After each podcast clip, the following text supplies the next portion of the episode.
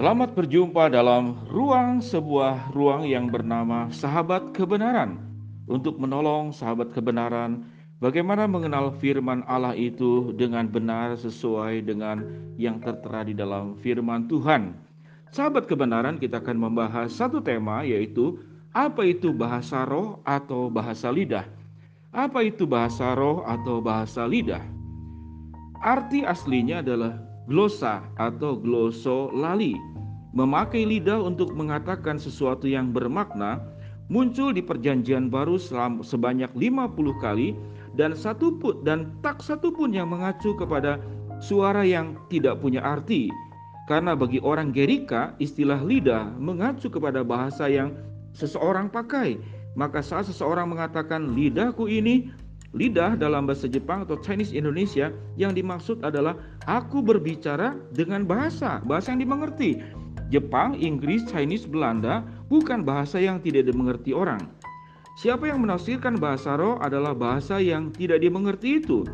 Orang Kristen yang bukan saja menafsirkan Alkitab dengan sembarangan, bahkan berani mengklaim bahwa bahasa yang tidak dimengerti adalah bahasa Roh Kudus. Coba tanyakan kepada mereka, dari mana mereka tahu itu adalah bahasa Roh Kudus?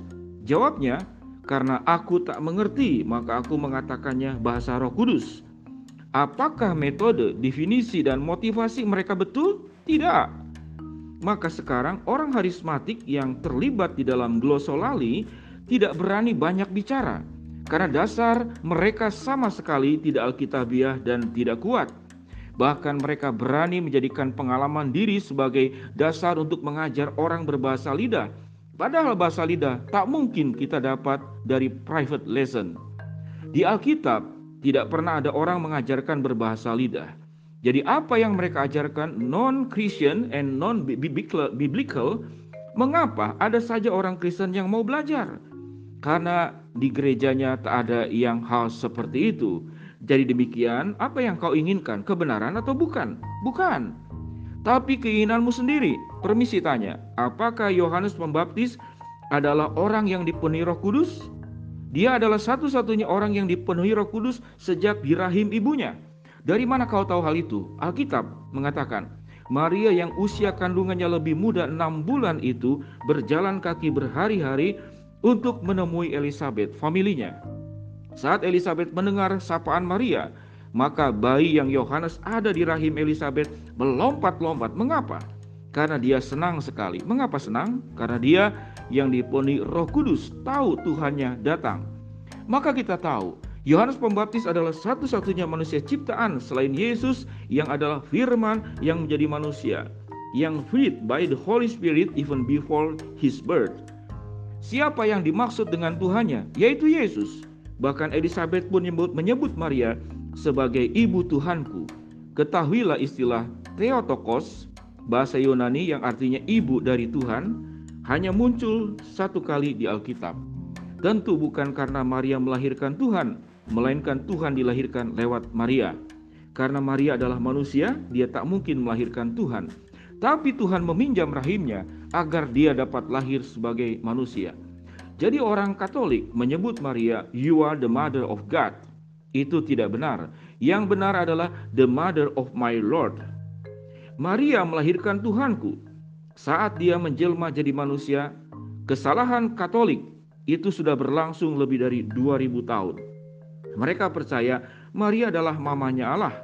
Padahal arti sesungguhnya dari, statement ini, dia yang Maria lahirkan bukanlah manusia biasa, melainkan manusia yang penuh yang punya sifat ilahi, firman yang menjadi manusia, kita harus bias bias harus bisa membedakan keduanya dengan jelas agar dapat tetap setia pada kebenaran yang Alkitab wahyukan.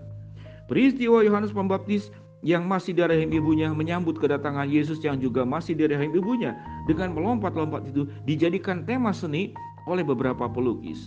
Di Sofia Fine Art Center juga terdapat karya Morello da Vinci tentang tema ini. Di ruang Morello, pelukis Prancis, terdapat lukisan seorang anak yang sedikit lebih besar memandang kepada anak lain yang usianya lebih kecil, enam bulan darinya, yang sedang memegang seekor domba.